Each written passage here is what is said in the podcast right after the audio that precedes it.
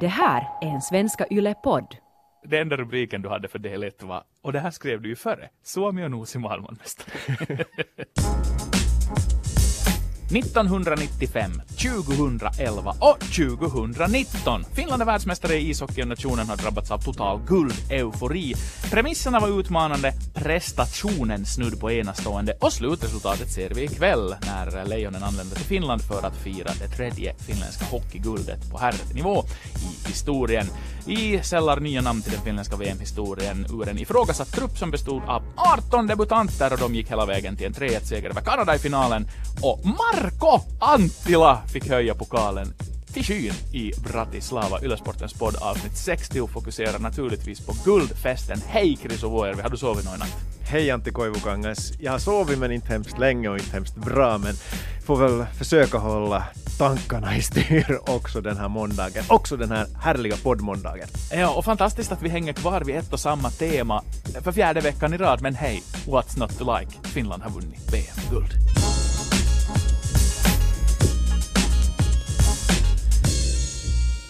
Ja hör du Antti, det var väl då fyra veckor sedan så åtminstone jag var oerhört skeptisk till detta finländska lag i VM-turneringen 2019. Och som vi redan konstaterade inledningsvis, som vi redan fick konstatera för en vecka sedan, det var bara att svänga kappan efter vinden. Finland är världsmästare i ishockey. Har du hört på maken? Vad har hänt? Nej, alltså det, det är ju helt otroligt och, och, och ju mera jag granskar det vi sa och det många andra med oss sa för fyra veckor sedan, desto mera äh, är jag övertygad om att vi hade ju fullständigt rätt i sak. Äh, när man särskiljer mellan liksom premisser och prestation. För varenda vinkling på att Finland nu vinner VM-guld handlar om hur ofattbart det är och hur makalöst och vansinnigt och häftigt det är och hur det här, hur kunde detta hända? Vi frågar oss det själva nu också. Varför frågar vi oss det då? Jo, för att premisserna var de som de var. Det spys mycket ovett också på sociala medier mm. om alla som stack ut hakan och konstaterade att det här laget är inte särskilt bra. Det finns inga profiler runt så. Äh, men, men det är kanske lite, där låter man passion och känslor gå före liksom tro på, på reell sakkunskap. Det är bara alltså att med de premisser vi mäter som det var enkelt och förstås fullständigt självklart att konstatera att det här är förutsättningarna inför turneringen. Mm. Äh, men Jukka Jalonen, han är, han är en trollkarl. Han får det här laget att fungera tillsammans. Det här laget fungerar så otroligt tillsammans. Så att därför står vi här var vi gör just nu. Och på en makronivå så nu är det ju någonting märkligt på gång inom den finländska hockeyn generellt. Det här att det har blivit liksom en, en segermaskin, att man går in i turneringar bara med huvudet högt och konstaterar att nu kör vi. Mm, du bränner många infallsvinklar, men jag tar fasta på det här, uh, det vill säga att hur osannolik den här VM-titeln är. För jag vågar påstå att det här är den största triumfen i finländsk ishockey. Eh, det här är nu Finlands motsvarighet till USAs Miracle on Ice OS 1980 i Lake Placid. Det här är Finlands motsvarighet till att Leicester trotsade oddsen och vann Premier League här för, för några år sedan. Som du är inne på, det, det sätt också som, som Lejonen prestera under den här turneringen. Man, man trotsar allt det vi lärt oss under årtiondens lopp. Finland var bäst då det gällde och, och darra inte på manschetten då matcherna stod och vägde. Det såg vi i semifinalen mot Ryssland, vi såg det igår mot Kanada i finalen och sen framförallt också kvartsfinalen mot Sverige. Mm. Hur Finland lyckades forcera den där kvitteringen och göra sen segermålet i förlängning. Det är vi vana vid att Sverige gör. Anders Masken Karlsson, Mats Sundin och så vidare. Nu, nu är det Marko Anttila som står för snarlika bedrifter. Och nu är det ju många demoner, som finländska hockeydemoner, som nu bara drivs ut ur den här finländska hockeysjälen. Mm. Ja, och det, det är intressant om man bara speglar tillbaka en vecka äh, när vi kände att äh, de andra lagen har hunnit ikapp, vilket de ju spelmässigt rimligtvis hade gjort.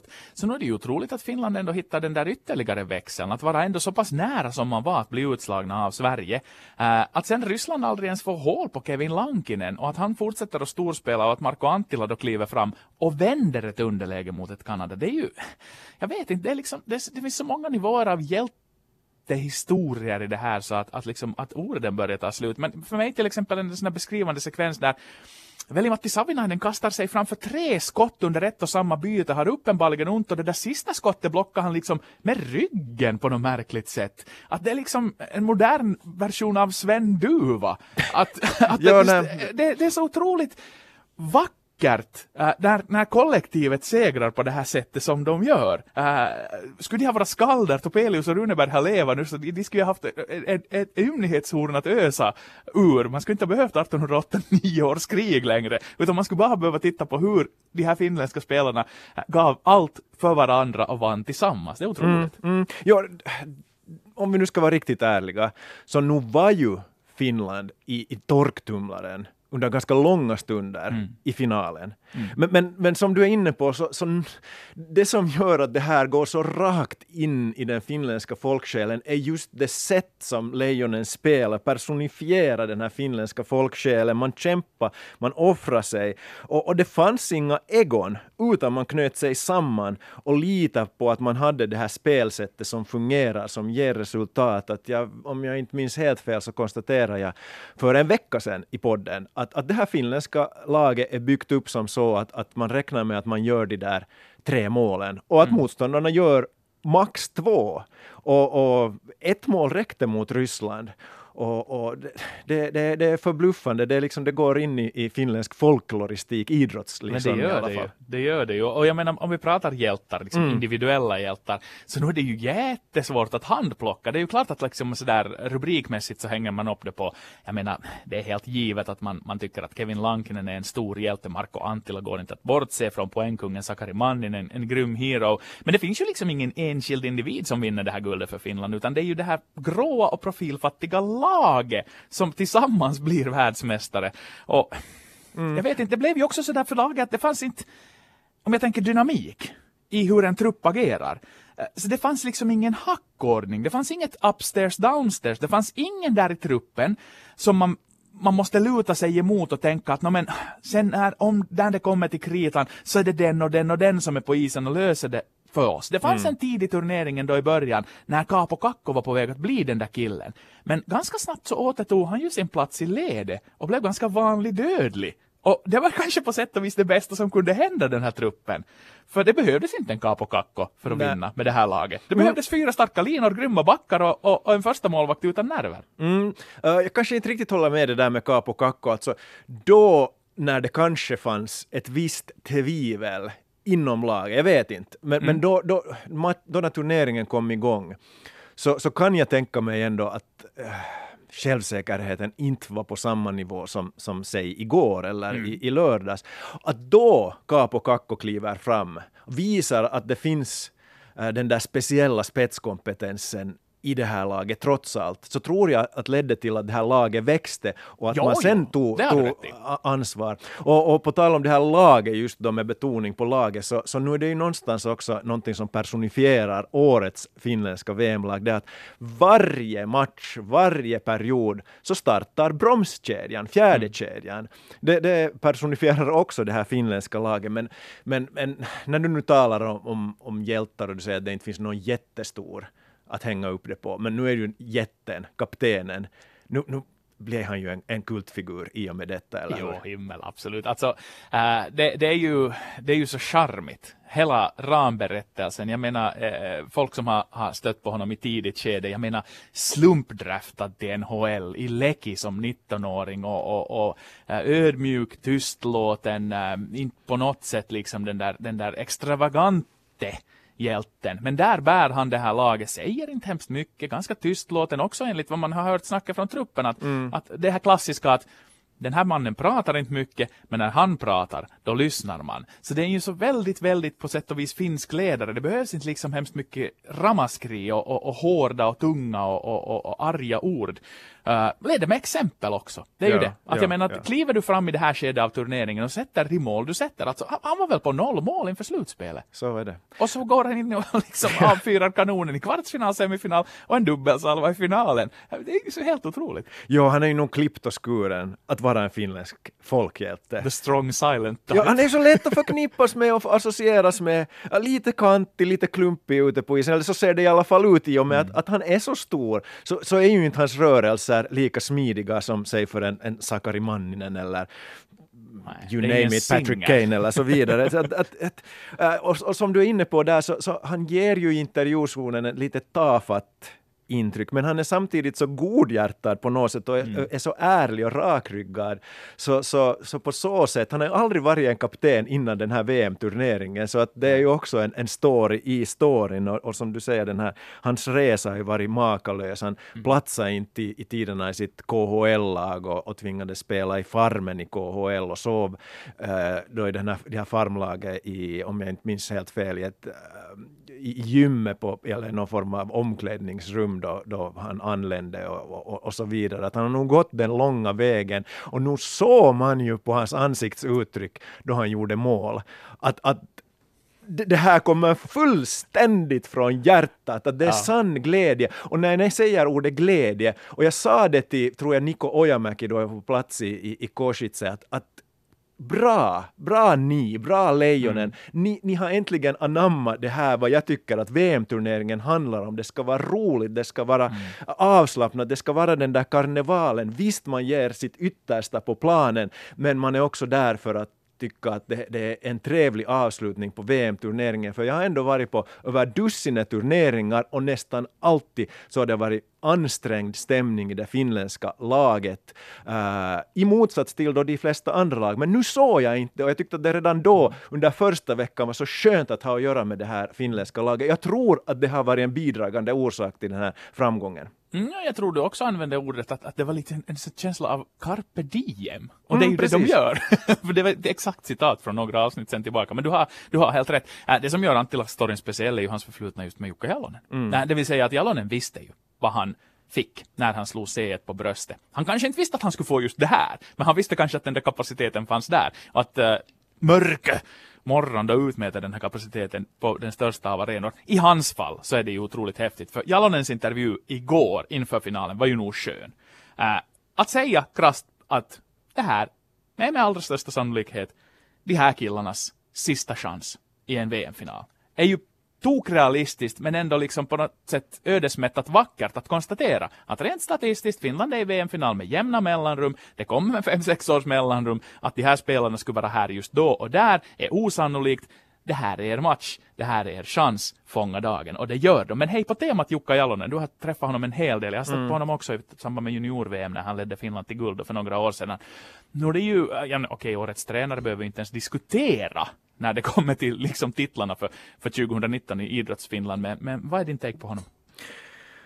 No, först och främst så har han ju nu bokat sin plats i den, den finländska idrottshistorien. Nu var ju det här VM-guldet och även om han då lotsade Finland till VM-guld också 2011, så, så VM 2019, VM-guld för Finland, det är hans mästerverk. Det är svårt att toppa det för u- ur liksom finländsk synvinkel. Minns du jargongen 2011? Tämä oli Mikko Koivun joukkue. Precis! Ingen säger Exakt. det nu. nej, nej, nej, det här var Jukka. Bra, bra poäng, det där hade jag inte ens, det där liksom hade jag redan förträngt, men, men så exakt så är det ju. Uh, han har lärt sig under resans lopp en massa. Han har valt optimala assisterande tränare, Mikko Manner och Antti Pennanen, Kärpät och HPK. Uh, eh, deras roll tycker jag inte heller ska underskattas. De har gått i bräschen för att utveckla finländsk ishockey och, och Jukka Jalonen är, då det kommer till kritan, en sån här defense first, försvaret först tränare. Men, men nu har han ju reviderat sitt tankesätt och, och det har nog burit frukt och, och var vägvinnande för Finland eh, för, för jämfört med säg 2012 och 2013, minns kanske hemma-VM, så, så då var det ju framförallt den första året så var det ju Petri Kontiolas kedja och den briljans Ja. den visade upp som, som höll Finland flytande. Men annars så var det 2012-2013 ganska ängsligt, ganska defensivt, ganska äh, trögt. Ja. Och, och någonstans sen då, då Jalonen sen lämnade landslaget så, så tänkte han om. För det var ju mm, sen 2016 JVM så utan att tumma på den här defensiva strukturen så gav han lite friare tyglar åt laget och, och det, det liksom personifierades i det VM-guldet och, och på den vågen rider han fortfarande och vackert så. Uh, men vad säger du? Det, det spekuleras ju nu, förståeligt, att uh, kan han bli första finländska huvudtränare i NHL eller till och med europeiska först i NHL. Ja, nej, det, det är intressant och jag menar, man, man slås ju alltid när man tittar och kollar upp det där att han är ju inte hemskt gammal. Alltså han är ju, han är ju en ung man, en man i sina bästa professionella år med en fantastisk CV. Så det är naturligtvis man förstår att vad ska han göra näst? Han har redan vunnit liksom VM-guld två gånger på seniornivå, gjort det på juniornivå, tränat i ligan, KHL både för Jokerit och för SKA. Liksom, ska du maxa din CV och ännu liksom pröva dina vingar så det är dit han ska. Jag skulle gärna dra en parallell här nu äh, mellan Jukka Jalonen och Gandalf. För, för Gandalf gör ju det som Jukka Jalonen gör. Det vill säga i The Hobbit, den första boken, så tar han 13 dvärgar och Bilbo, alltså killar som ingen tror på, de är små till växten, de är små i, i liksom världshistorien, men de uträttar stordåd under hans ledarskap. Han gör dem stora. Äh, spolar vi sen kassetten framåt så kommer Sagan om ringen och där gör han exakt samma sak. Uppoffrar sig, tar en förlage där i, nere i Moria och kommer tillbaka som Gandalf den vite. Men än en gång, äh, med en härlig mix av, av eh, individer som eh, kanske inte är de mest sannolika hjältarna så går de hela vägen och uträttar stordåd. Liksom Jukka Jalonen är den finska hockeymytologins Mittrandir. det är bara så. 56 år gammal, vad vill han göra nu själv? Det är ju nyckelfrågan. Okej, naturligtvis. Enkelt att titta på kontraktet. Vad står där? Jo, han har ett år kvar med det finländska landslaget. Så nu blir det ju en, en spännande säsong att starta upp för nu med tanke på att, att 1920 säsongen är, är liksom, vad ska Jukka Jalonen göra då? Mm. Det är en bra fråga. Jag undrar om det finns en NHL-klausul i, i hans kontrakt. Och alla kontrakt går ju att köpa. Men, men, men uh, bara för sakens skull så, så tänkte jag nu lite spekulera i NHL och Jukka Jalonen. Alltså, hans språkkunskaper är, är sådär småbräckliga. Hans mm. engelska är, och hans, framförallt hans ordförråd är är okej. Okay. Uttalet sådär okej okay, minus. Så det, rally. Det, mm, ja. ja, rally plus. uh, det, det, är det ena som, som ligger honom i fatet. Sen, sen det andra som jag tycker kanske att, att gör att jag är skeptisk till om han någonsin blir en NHL-tränare är att, att uh, han är ju lite butter. Mm. Och, och, kan, han, kan han sälja sig, kan han vara tillräckligt nordamerikansk i sin ja. framtoning, det vill säga att, att visa god min i elakt spel. För han snäsar ju nog av journalister i tid och otid då han tycker att de kommer med, med korkade frågor. Och det har han ju all rätt att göra. Mm. Men i NHL till exempel så, så under matcherna så framförallt då NBC sänder, till exempel under Stanley Cup-finalen, så går uh, reportrarna och frågar mitt under powerbreaken att vad är läget nu? Och jag har svårt att säga att Jukka Jalonen riktigt skulle, skulle hantera den situationen på bästa möjliga sätt. Men, men varför inte säga en Arizona som haft en sån otrolig kräftgång i år efter år, ja. riskera oj, ja. den där killen verkar veta vad han sysslar med och, mm. och, och, och ge honom chansen. Det skulle vara otroligt fascinerande. Nej, nu är det ju det är en fantastisk dag att vara vid liv det här, säger jag inte bara för att Aston Villa ska spela playoff-final på Wembley, men att det här, eh, det är ju nog, eh, vi har pratat mycket hockey under, under den här poddresans gång eh, och, och varje gång känns det som ju att det, det blir i ordalag där vi bara får ta till hyllningskör. Dessutom har vi ju Tuukka Rask i en, en Stanley Cup-final mm. i en absolut, absolut nyckelroll nu och vi har damernas moraliska VM-guld på hemmaplan, vi har juniorerna tidigare. jag tror jag nämnde det där i början av det här avsnittet redan, men, men nu är det ju någonting som är, är sådär på ett positivt sätt ruttet i finländsk hockey. Någonting har ju hänt.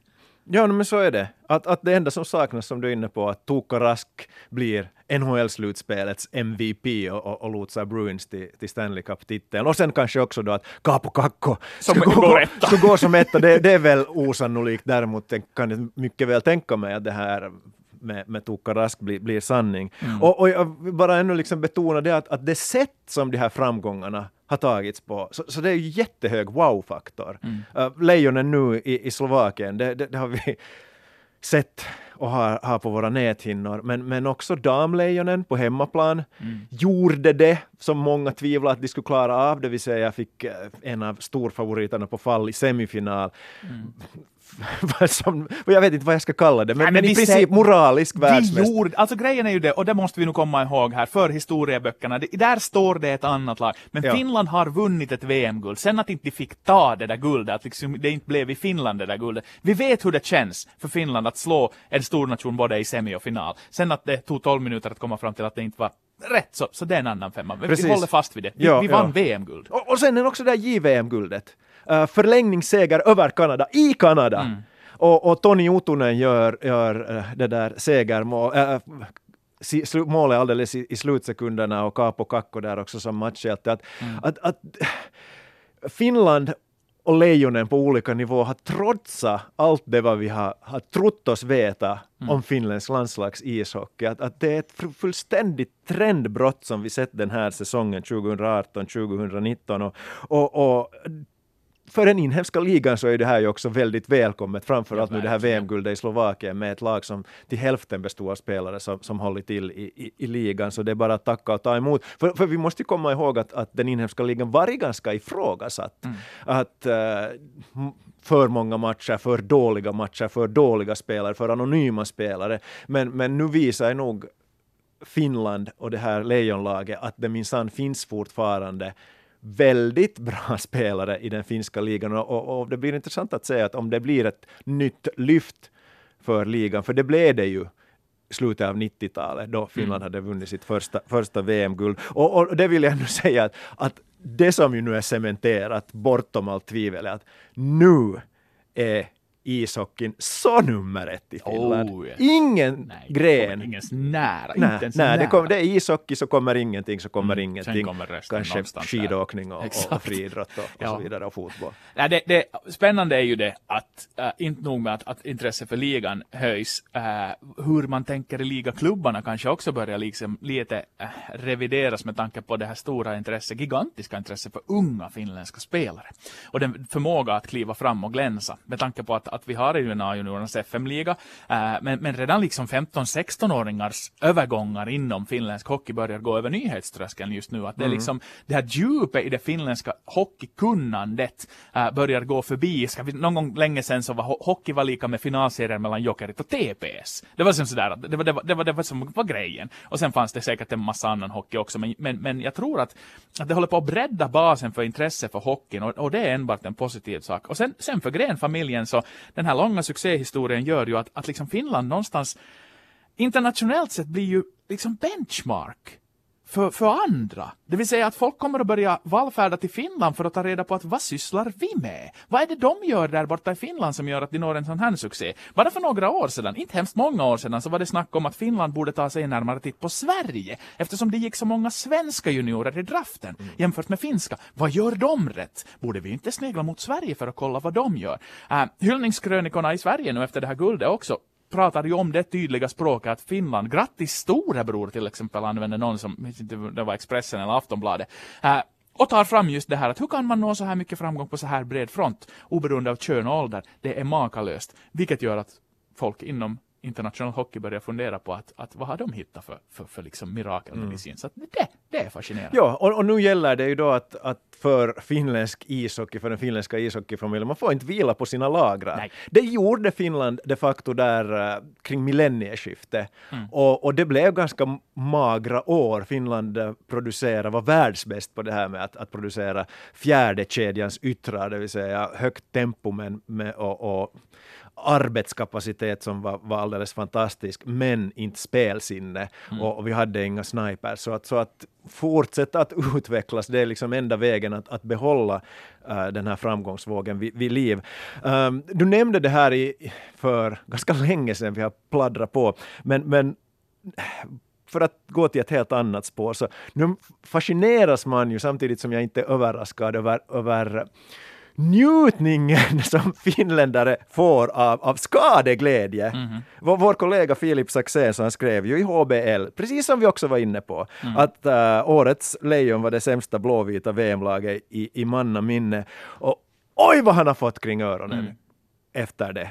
Och, och du och jag som sagt är, är ungefär samma sits och, och nu har vi ju fått våra gliringar också. Och det bjuder vi på, absolut, eftersom som vi står för det här. Men, men det enda i sammanhanget som jag tyckte att kanske var lite onödigt, eh, efter finalen igår i omklädningsrummet så tar Finlands lagledare Mika Kortelainen från bröstfickan den här artikeln från HBL och, och visar att, att det här har han burit på för att eh, ha som en motivationsfaktor. Come on! Jag tycker bara att det var lite småsint. Ja, det är ju klassiskt det här att, att blir du bottentippad äh, i en till exempel en lång serie äh, så tar du och lägger upp det på väggen för att, att ge dig en inre motivationskraft. Men sen när det övergår till skadeglädje så, så, så då är det frustrerande. Och jag, jag menar, äh, jag ställer mig nog vid, vid, vid Filip Saxéns sida här och, och hyllar honom som den oerhört duktiga och pålästa hockeyskribent som han är för att jag menar han, han, han följer hockeyn intensivt under hela kalenderåret. Det är hans liksom bevakningsområde. Han kan sin sak. Premisserna var de de var.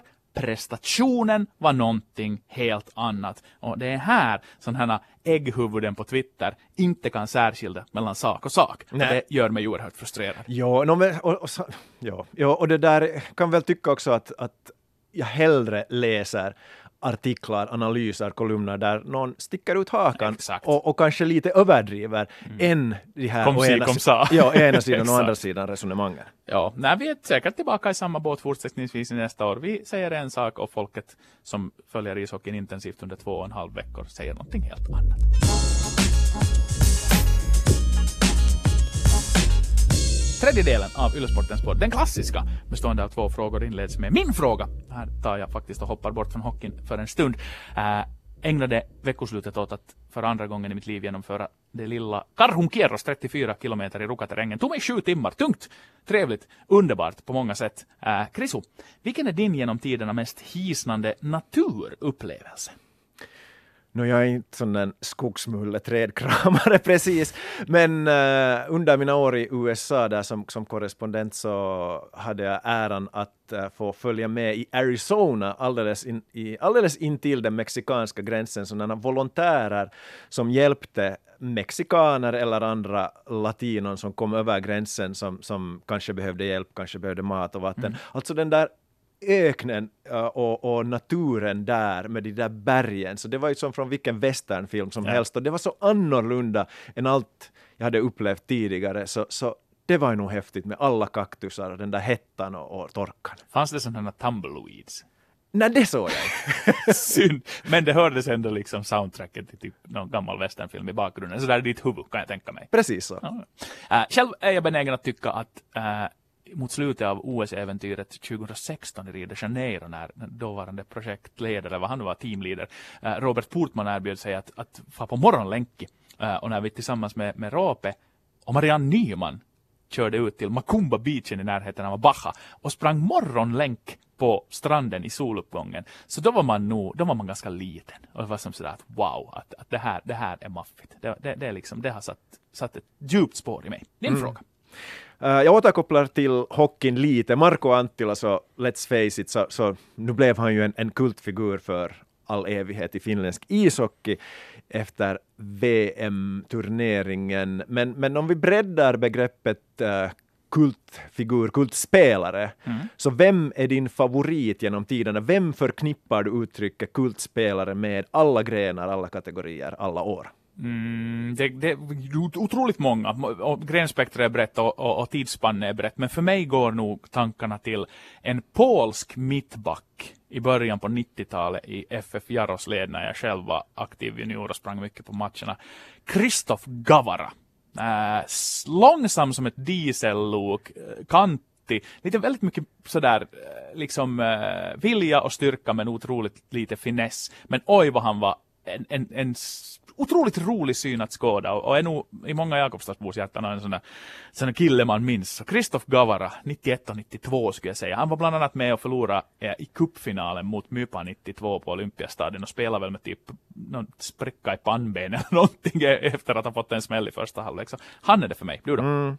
Ja, det finns ju många. I, I, finsk hockey så tycker jag Mauri Eivola är svårslagen. Alltså, många har väl inte ens hört om honom, men ja. en gudabenådad talang, men slösa bort den här talangen. Han kunde mitt under spelets gång, då det spelades i kuppis, uh, snacka med publiken att jag ses vi på den och den baren? och så vidare. Att han, han, han det går så många uh, här legendariska historier om honom i Åbo, att, att man kan bara inte riktigt bortse honom. Men sen Dennis Rodman i NBA. Men, men jag är lite helt på, på samma linje. Nu tar jag fram ett namn som knappast någon har hört om. Ove Slangen Karlsson, lite som Gavara i Louisa Thor i oh. tiderna, division 3 och, och, 2.